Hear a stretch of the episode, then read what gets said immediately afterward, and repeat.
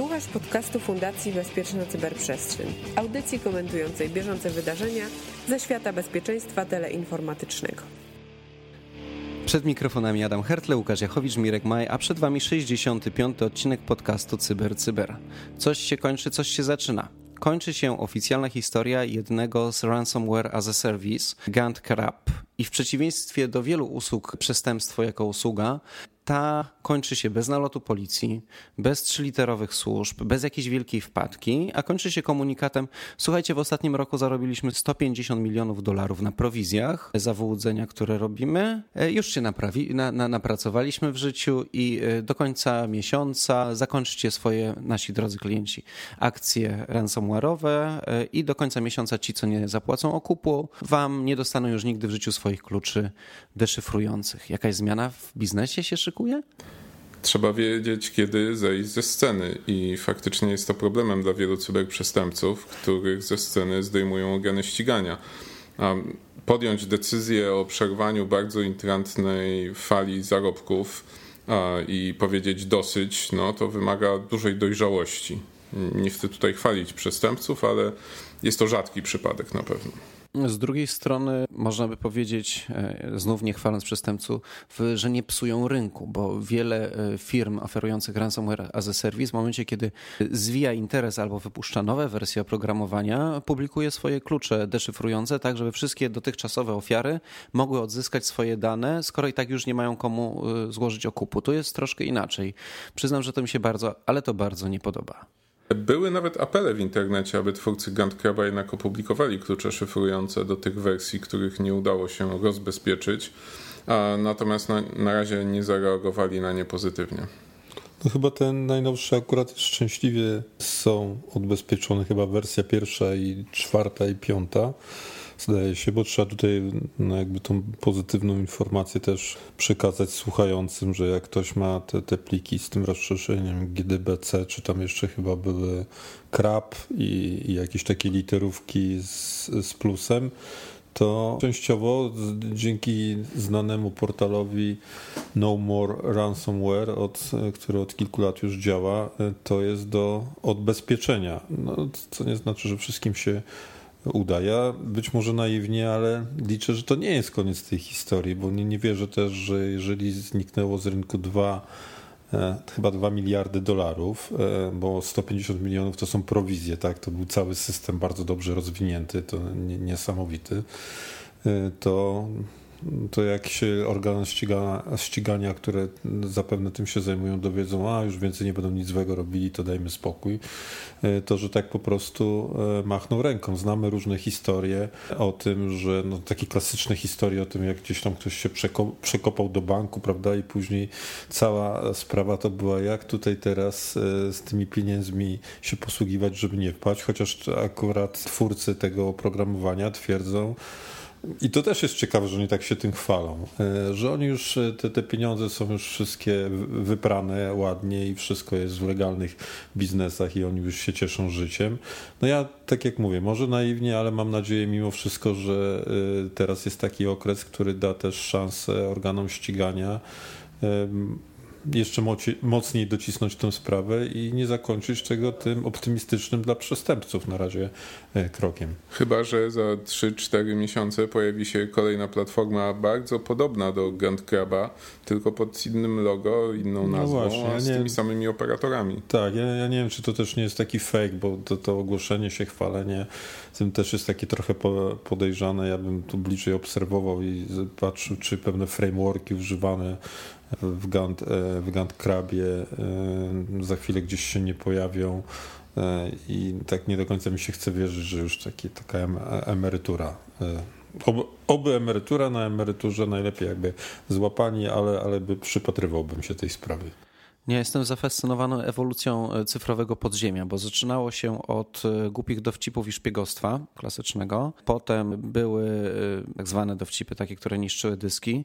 Potem mieliśmy zwykłe wymuszenia. Potem mieliśmy napady na banki cyfrowe, a teraz mamy zwyczajną usługę pod tytułem wynajmij od nas sprzęt, którym będziesz mógł sam dokonywać napadów. No i Chyba rozwój sektora gospodarki z reguły przebiega tak, że najpierw ktoś zajmuje się czymś od początku do końca, a potem dzieli to na odcinki i pojawiają się dostawcy, którzy realizują poszczególne etapy i faktycznie na scenie cyberprzestępstw widzimy bardzo daleko posuniętą specjalizację. Kiedyś złodziej musiał napisać sobie konia trojańskiego, potem musiał go jakoś rozesłać, wynająć serwery, zapewnić sobie spam, potem musiał wynająć serwery pod centrum sterowania, zarządzać tym, potem musiał znaleźć sposób y, monetyzowania tego swojego ataku.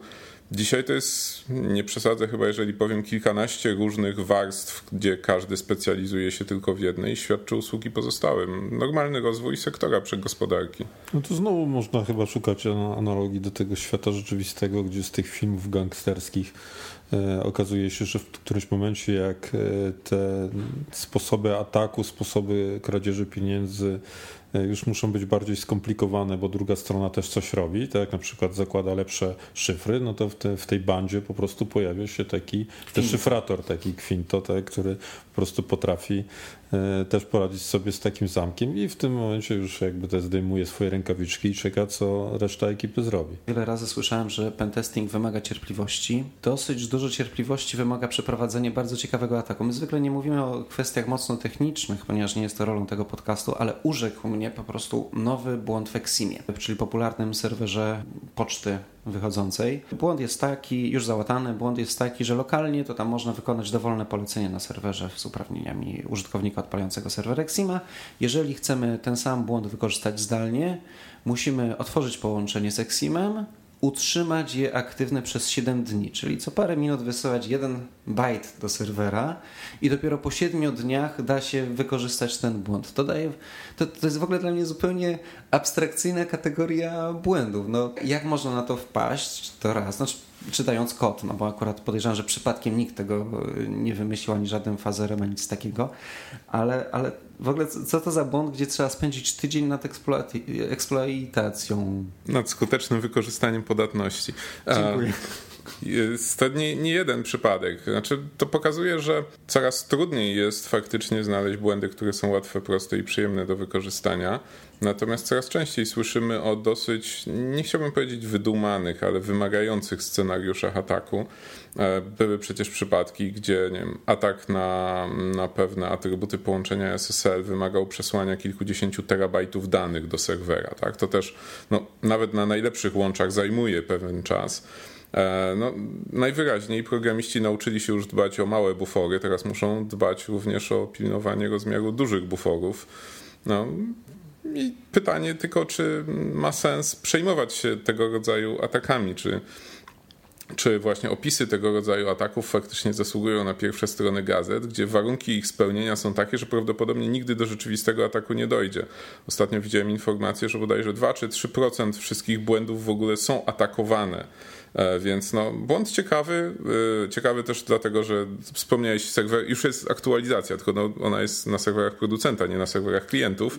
No tak, e, tak źle nie jest. Ona jest na serwerach klientów, bo ona wyszła w lutym i tam przypadkowo chyba poprawiono ten błąd, również przypadkowo go wcześniej wprowadzono. Natomiast nie widziałem Słucha, jeszcze statystyk. Odkryto, i, odkryto go przypadkowo chyba i go załatano przypadkowo. Jest. Zdarza się. W ogóle nowa kategoria błędów, bardzo ciekawe. Tak, chyba powinniśmy zrobić stałą, stałą kategorię dziwne przypadki w cyber. Natomiast bez wątpienia pozostają dziesiątki, co najmniej tysięcy, jak nie setki serwerów, które nie są zaktualizowane, no bo ludzie nie aktualizują tego typu rzeczy. No to tak, to warto, warto przypomnieć, bo rzeczywiście, tak jak Łukasz powiedział, to od lutego już jest nowa wersja 4.92, ale wszystkie e, poprzednie e, są jakby dziurawe, no tylko, że to zgadzam się z Adamem, to, to jest tak, że tam jest chyba kilka warunków, które musi być spełnione, e, aczkolwiek znowuż e, populacja jest duża, tak, bo przypomnijmy, że Exim jest w tej chwili ze względu zdaje się na, na to, że tak mi się wydaje, że ze, ze względu na to, że jest tym defaultem w Debianie jako mail server, jest najbardziej popularnym e, serwerem e, serwerem poczty, tak? I tego jest, zdaje się, tam dwa lata temu robiono jakieś badania, chyba 57% wszystkich rozwiązań pocztowych w internecie, no to, to, to jest Exim, który ma już 20 e, parę lat, bo powstał w latach 90. na Uniwersytecie e, w Cambridge i, i ta populacja jest bardzo duża, zdaje się ponad 5 milionów serwerów na, e, na całym świecie. W Polsce sprawdzałem nasze danie chyba 56 tysięcy, z czego 17 tysięcy w wersji załatanej. Tak? Trochę, trochę mamy lepszy procent, bo tam wyszło chyba 26-27%, a na świecie 21% tylko. Także... No, aktualizujcie Exima albo restartujcie co 4-5 dni. Kiedy się dowiedziałem o tym błędzie, od razu zadzwoniłem do swojego kolegi, który ma dużą serwerownię na PLD. Nie wiem, czy pamiętacie polską Linuxa dystrybucję. Sam mam tam kilka maszyn wirtualnych również z PLD. I powiedziałem mu, słuchaj, no takie wersje są podatne, warto by się zaktualizować, nim ta informacja, tak, tak dalej, bo to oprócz tego, że te 7 dni, to lokalnie da się jednak wykorzystać to błyskawicznie. A on mi odpowiedział bardzo prostą rzecz.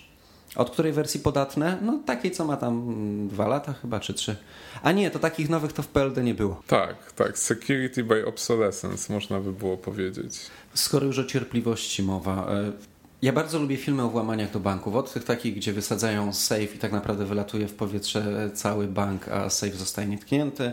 E, z e, rok temu w kinach e, popularność święcił Gentleman z rewolwerem. Taki film, gdzie człowiek po prostu wchodził do losowych, oparty na faktach. Forrest Tucker, w ogóle niesamowita historia człowieka, łatwo ją znaleźć w internecie. Wchodził po prostu do losowych banków, starszy pan i kulturalnie prosił o wydanie pieniędzy i te pieniądze otrzymywał. Więc tak, takie ziół i wchodzisz a tymczasem okazuje się, że nie jest to taka popularna strategia. Jakiś czas temu do, do, do, do grupy zajmującej się forenzikiem zadzwonili ludzie z banku, że mają naprawdę niesamowitą sytuację. Otóż mają na nagraniach, jak w takiej sali pełnej bankomatów, w środku nocy otwierają się drzwi, wchodzi facet, niczego nie dotyka i nagle wszystkie bankomaty zaczynają pluć pieniędzmi.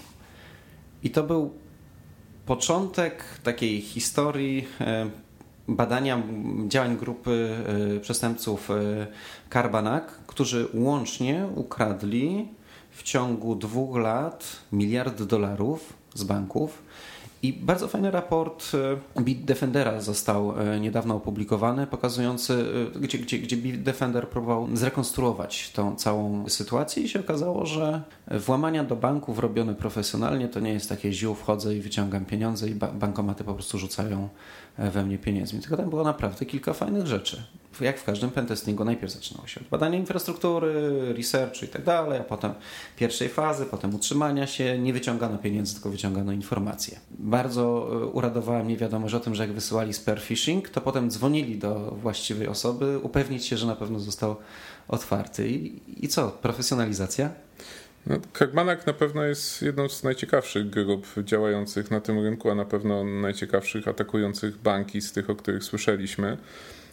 Co ciekawe, właśnie policja regularnie y, raportuje, że już zatrzymała całe szefostwo i skład Karbanaka, po czym kilka miesięcy później powstaje kolejny, kolejny news o tym, że kolejne ataki karbanakowe. może myślą, że to są ci, którzy przy tych, y, tych automatach odbierają pieniądze.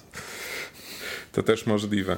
Natomiast no, jest to grupa na pewno bardzo profesjonalna, która nie tylko potrafi włamać się do banku, ale też potrafi wypłacić te pieniądze, co wymaga sporej koordynacji, żeby jednak wysłać do bankomatów na całym świecie kilkaset osób jednej nocy i, i wyciągnąć tam nawet chyba do kilkudziesięciu milionów dolarów są w stanie wypłacać w gotówce w czasie krótszym niż 8 godzin. Natomiast w tym raporcie właśnie bardzo ciekawe też było to, że linia czasu takiego ataku faktycznie rozkłada się na kilka miesięcy. To nie jest tak, że wchodzi mega haker w ciągu pięciu sekund, orientuje się gdzie jest i co robi, przejmuje kontrolę nad serwerem i wylatują te pieniądze z bankomatów. To jest mozolna, żmudna, podzielona na wiele etapów praca co oczywiście nie wygląda fajnie na filmach, dlatego pewne uproszczenia w kinach najczęściej widzimy, jak haker się włamuje i gdzieś dostaje.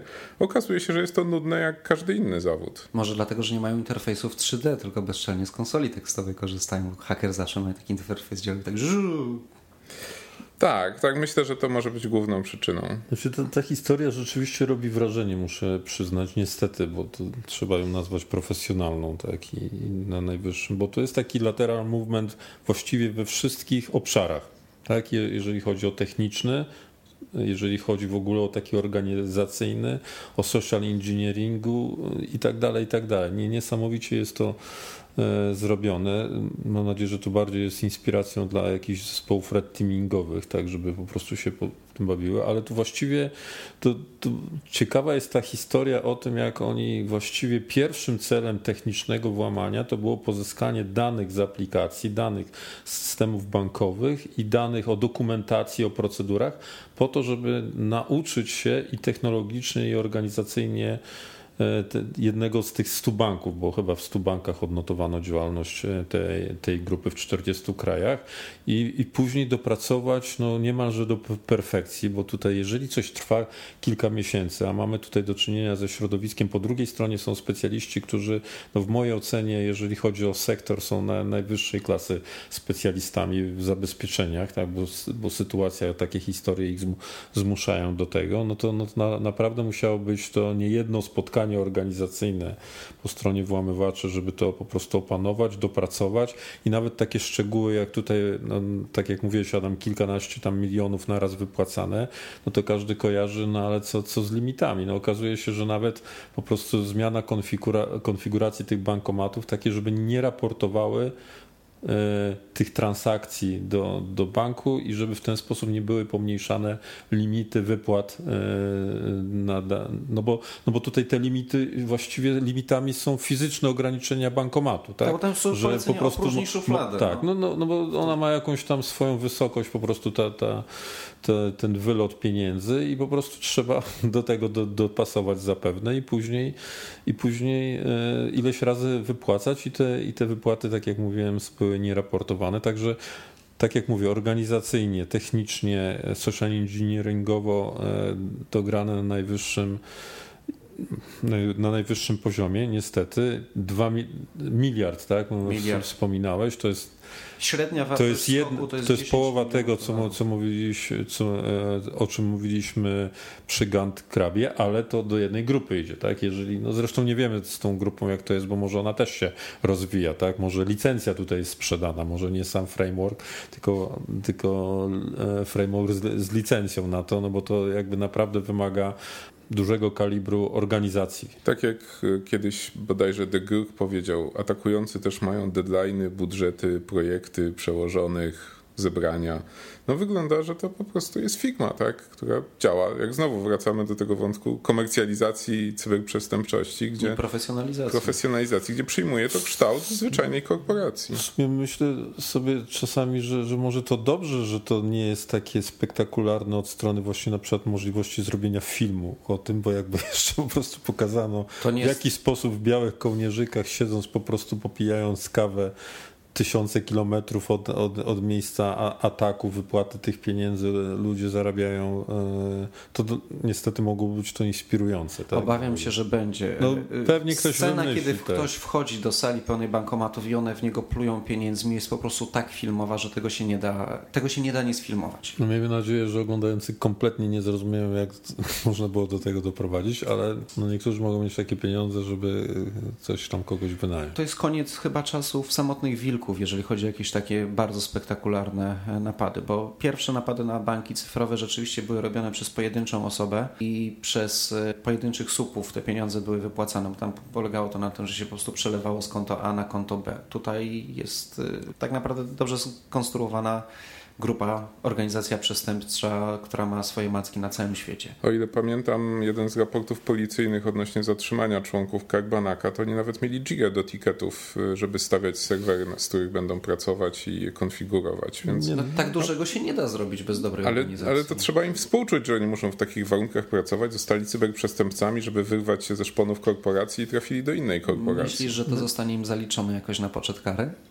Nie, ale może wpłynąć na współczucie składu orzekającego. Parę lat temu były strasznie popularne, zanim jeszcze ransomware zrobiły się popularne, scarware, tak? to, to, to, straszenie i tam w tych raportach znowu opisywali takie historie, no, że tak powiem, wysoce wyspecjalizowanych centrów obsługi klienta na Ukrainie, które po prostu no, rzeczywiście obsługiwały te wszystkie scarware, to jak ktoś tam później to sprawdził, to biurowce nowoczesne, po prostu z kadrą, z najnowszym sprzętem, po prostu wszystko, wszystko zorganizowane. Tak to po prostu A teraz są outsourcowani do China i już nie jest tak profesjonalnie. Taki frustrujący dzisiaj oczywiście. Straszne pieniądze idą w złe ręce po prostu, niedobrych ludzi. Nie nasze. No, no właśnie, no mówię niedobrych. Czy, czy, czy to znaczy, że wybraliśmy niewłaściwą stronę właściwego zawodu? A to ja, ja, ja, na swoich wykładach, jak opowiadam o tym, jak łatwo jest ukraść pieniądze, nie wiem, zadzwoniwszy do kogoś czy wysławszy maila, mówię, że no gratuluję wszystkim, którzy są na sali, bo stoicie po tej etycznej stronie bezpieczeństwa i no, pozostaje cieszyć się, że możemy sobie rano spojrzeć w lustro i powiedzieć, że robimy coś zgodnego z naszymi przekonaniami.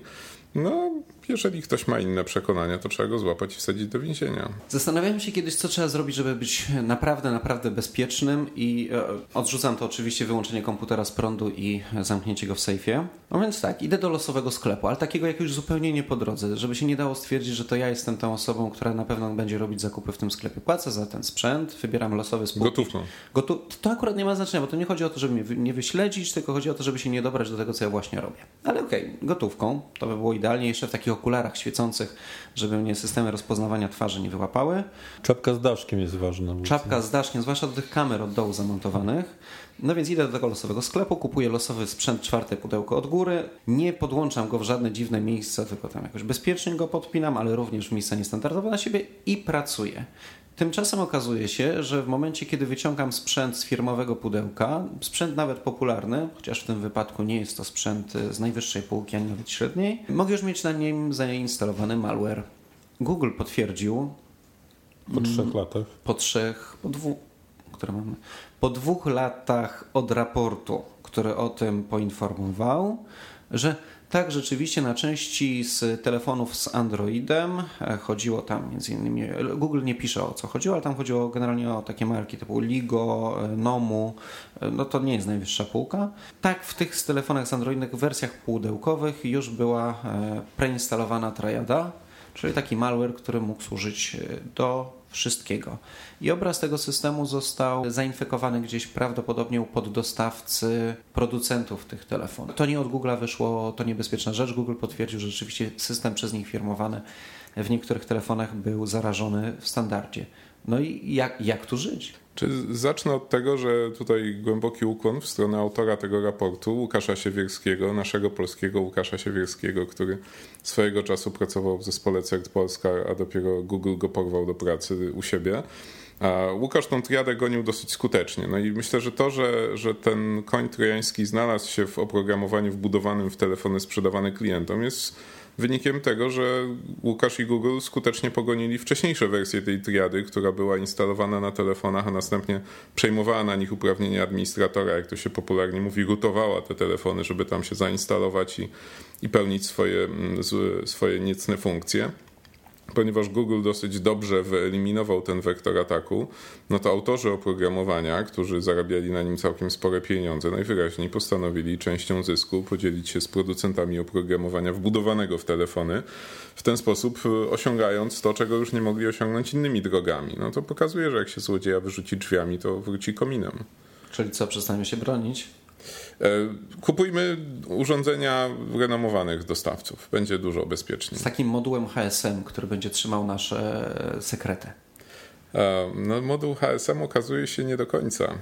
Z tego jeszcze oficjalnie nie wiemy, ponieważ e, znamy zapowiedź prezentacji, która zostanie pokazana na Black Hat 2019 i będzie prezentacja o łamaniu y, modułów, które przechowują sekrety, klucze kryptograficzne, takich sprzętowych, bezpiecznych, y, znanej marki. Prawdopodobnie y, wiemy o jaką markę chodzi, bo akurat tylko jedna w ostatnim czasie pilnie wypuściła aktualizację swoich produktów. To ciekawostka, bo zapowiedź e, krążyła po internecie już od paru tygodni i wszyscy byli podekscytowani, że ktoś przejął kontrolę nad tymi modułami wysokiego bezpieczeństwa, które właśnie miały być po to, żeby nikt nad nimi nie przejął kontroli. A, I nikt nie wiedział o co chodzi i w jaki sposób i co to za moduły. Natomiast e, jeden z Twitterowiczów zauważył, że autorzy tego badania, Francuzi, wystąpili wcześniej na innej konferencji, gdzie już zdążyli opowiedzieć tylko, że po francusku, Więc co tam się działo. Więc można przyjąć, że, że komunikacja była zaszyfrowana, ale okazuje się, że są kryptoanalitycy, którzy dysponują również umiejętnością czytania tego języka. A nagranie z tamtej konferencji i praca naukowa zostały już opublikowane, więc przeanalizowali i okazało się, że żeby schakować taki bezpieczny moduł, trzeba użyć narzędzi programistycznych dla twórców oprogramowania tych bezpiecznych modułów. Następnie wgrać na ten bezpieczny moduł shella i z niego uruchomić fazera i fazer z reguły coś znajdzie. No i okazuje się, że znalazł i to, co znalazł, jest dostępne nie tylko z wewnątrz modułu, ale też i z zewnątrz modułu. Tam bodajże chodziło o problemy weryfikacji podpisów cyfrowych. Tak. I okazuje się, że można zdalnie taki bezpieczny moduł zaatakować, przeczytać jego zawartość, wyciągnąć wszystkie klucze, wszystkie sekrety, które w nim są przechowywane, a potem jeszcze zaktualizować zdalnie jego oprogramowanie tak, żeby tak naprawdę oprogramowanie wbudowane w ten moduł, także żadne jego aktualizacje dostarczane przez producenta nie są w stanie potem usunąć konia trojańskiego, który tam zostanie zainstalowany. No, czyli tak naprawdę, no nie wiem, kupujemy system alarmowy dla naszego domu, a następnie hakerzy przez ten system alarmowy przejmują kontrolę nad naszym domem. No, rozwiązanie bezpieczeństwa, które okazuje się być kluczem do uzyskania dostępu no, do naszego systemu. Zna, znany znowu socjologicznie wektor, tak? No, musisz w celu bezpieczeństwa bardzo szybko coś ściągnąć, tak? To tutaj w celu bezpieczeństwa to, to załatwimy. Ja jeszcze na, na moment chciałem do tej historii Google wrócić, dlatego że tu często ganimy różnych wielkich, tak zdarzało się przecież w poprzednich odcinkach dosyć często, to tym razem akurat chyba wypada pochwalić Google e, nie tylko za determinację konkretnie indywidualnie Łukasza Siewierskiego, żeby, żeby to opublikować. Trochę rzeczywiście dziwne, bo wszyscy się zastanawiają i to nawet gdzieś tam w którymś artykule chyba wysłali pytanie właściwie, dlaczego tak późno, tak? No, dwa, trzy, dwa, trzy lata, bo to Chyba w ogóle... Z półtora roku temu na którejś konferencji Łukasz to przedstawiał już, więc... No tak, ale tutaj mamy, mamy publikację na blogu security e, Google'owym oficjalnym i to jest zawsze trochę inna, inna sytuacja, dlatego wszyscy dopiero to zauważają, to trochę tak jakby Łukasz po francusku tam to opowiadał, tak? To oui, oui. Wracając do, do, do, tej, do tej historii, tu się zmieniło i, i tutaj wypada za konkrety pochwalić, myślę przede wszystkim wszystkim za pracę i ciągłym poprawą, poprawą systemu Google Play Protect, tak? No bo też e, jakby z tego z tej historii wynika, że to musiało się zmienić i jest trudniej, dlatego że ten Google E, Google Play Protect e, już nie pozwala na, e, na taki routing Trojan, tak, który był gdzieś na, na początku tej historii, jeszcze jak Kasperski o tym informował. Zresztą później dr Web, co ciekawe, rosyjskie dwie firmy akurat o tym informowały. No i dlatego przeszło do tego, do tego image backdoor, tak, który już jest troszeczkę innym wektorem ataku i jest trochę jakby łatwiejszy w obsłudze, tak? No bo, no bo jeżeli coś jest na poziomie jakby ruta, tak, no to to jest znacznie trudniejsze, tego, żeby sobie to organizacyjnie, technicznie poradzić. Tutaj trochę, trochę jest lepiej, także jakby, tak jak mówię, pochwały tutaj dla Google za to, że pracuje już wreszcie, tak jak, trochę mi przypomina ta historia, ta, ta to historycznie jak to było z Windowsem, tak wszyscy najeżdżali na, ten, na, na, ten, na tego Windowsa i w którymś momencie to się zmieniło po tym słynnym mailu e, Billa, Billa Gatesa i zdaje się, że mam nadzieję, że, że powoli troszeczkę masa krytyczna zbiera się wokół e, Google Play i, i tutaj też e, jesteśmy u progu, mam nadzieję, takiej sytuacji, gdzie ten sposób dystrybucji oprogramowania zdecydowanie poprawi swój poziom bezpieczeństwa. Myślę, że też zajmie to 30 lat? A dlaczego mówisz 30? No, przykład, który przytoczyłeś, to trochę im zajęło. No, aż chyba przy Windowsie, bo to zdaje się, że, że mail Billa Gatesa to był początek tego wieku, tak? E, jeśli dobrze pamiętam. No, no to, Windowsa, no to rzeczywiście, to, to blisko, e, blisko e, tych, nie, nie wiem czy aż 30, no ale, ale długa, za długa historia zdecydowanie. Tak. Myślę, że nasze dzieci prowadzące ten podcast za lat 20 odniosą się do tego wątku, a my chyba skończymy 65. odcinek podcastu CyberCyber, w którym rozmową o cyberbezpieczeństwie raczyli Was Mirek Maj, Łukasz Jachowicz i Adam Hertle. Odnośniki przydatne do pogłębienia poruszonych dziś tematów znajdziesz na stronie Fundacji Bezpieczna Cyberprzestrzeń, a archiwum na stronie Fundacji, w iTunesie, na naszym kanale YouTube i sieciach społecznościowych. Do usłyszenia za dwa tygodnie. Usłyszenia. Do usłyszenia.